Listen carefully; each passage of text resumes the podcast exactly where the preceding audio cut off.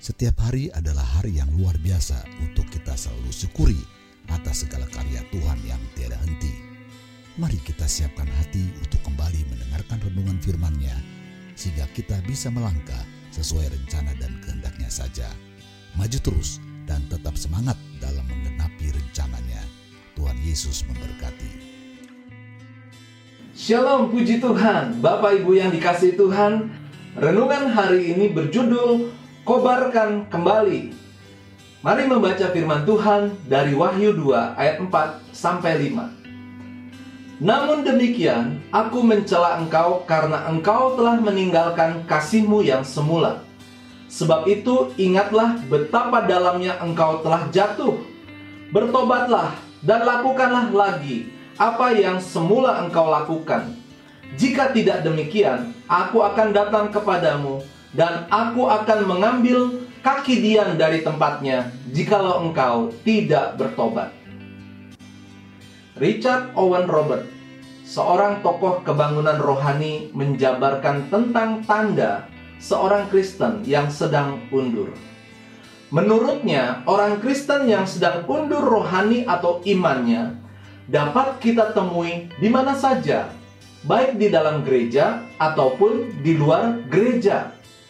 Bisa jadi dia tengah berada di balik mimbar untuk berkhotbah ataupun tengah mengajar sekolah minggu.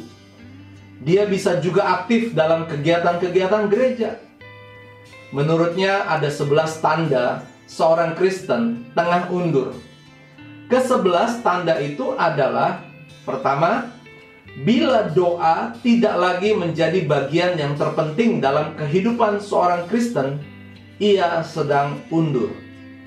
Kedua, bila seseorang tidak lagi mempelajari atau menekuni Alkitab dan sudah cukup puas dengan apa yang sudah diketahuinya tentang Alkitab, itu tandanya ia sedang undur. Ketiga, bila pengetahuan Alkitab yang dimilikinya diperlakukannya sebagai pengetahuan belaka, tidak diterapkan ke dalam kehidupannya sehari-hari. Itu tandanya ia sedang undur. Keempat, bila pikiran seseorang tidak lagi terpusat pada perkara-perkara rohani yang bernilai kekal, itu merupakan tanda peringatan bagi orang-orang yang sedang undur. Kelima, kalau kebaktian-kebaktian di gereja tidak lagi menggugah hatinya, ada kemungkinan dia sedang undur keadaannya. Keenam, bila kegiatan olahraga, rekreasi, dan acara hiburan lainnya seperti game, sepeda, games menjadi sesuatu yang mendominasi hidupnya, sudah dapat dipastikan bahwa dia sedang undur. Ketujuh, bila dia melakukan perbuatan dosa, termasuk dia lakukan di alam pikirannya, tetapi hati nuraninya tidak gelisah dibuatnya, maka sudah pasti dia sedang undur. Kedelapan, kalau hal menimbun harta mendominasi pikirannya, jelaslah dia sedang undur. Kesembilan, Bila keinginan untuk menjalani hidup kudus tidak lagi menguasai hidup dan pikirannya, maka dia sedang undur. Kesepuluh, kalau dia sudah terbiasa menyanyikan lagu-lagu rohani tanpa menjiwai kata-katanya, yakinlah dia sedang undur.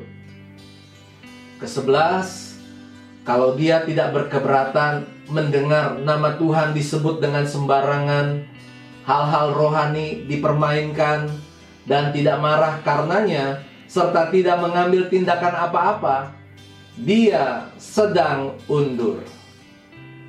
Dari penjabaran tersebut, ada baiknya kita introspeksi. Adakah kita sedang undur? Jika iya, mari kita datang kepadanya. Bertobat dan memperbaharui komitmen kasih kita kepadanya. Mari kita kembali kepada kasih yang semula untuk Tuhan. Kasih yang menyala-nyala untuk mengenal dia dan melakukan semua perintahnya. Mari kita kembali kepadanya dengan segenap hati. Kata-kata bijak, kita perlu bertobat ketika kita ternyata telah meninggalkan kasih yang semula. Bertobatlah sekarang. Mari kita menutup renungan hari ini dengan berdoa. Bapa yang baik, aku mohon ampun kalau selama ini ternyata aku telah undur darimu. Tolong aku untuk dapat bangkit kembali dan datang kepadamu. Dalam nama Tuhan Yesus, aku berdoa dan mengucap syukur. Amin. Marilah kita membagikan renungan ini ke semua orang yang kita cintai, agar mereka pun mendapat kekuatan baru dan menerima berkat saat mendengarkannya. Sampai jumpa esok hari, Tuhan memberkati.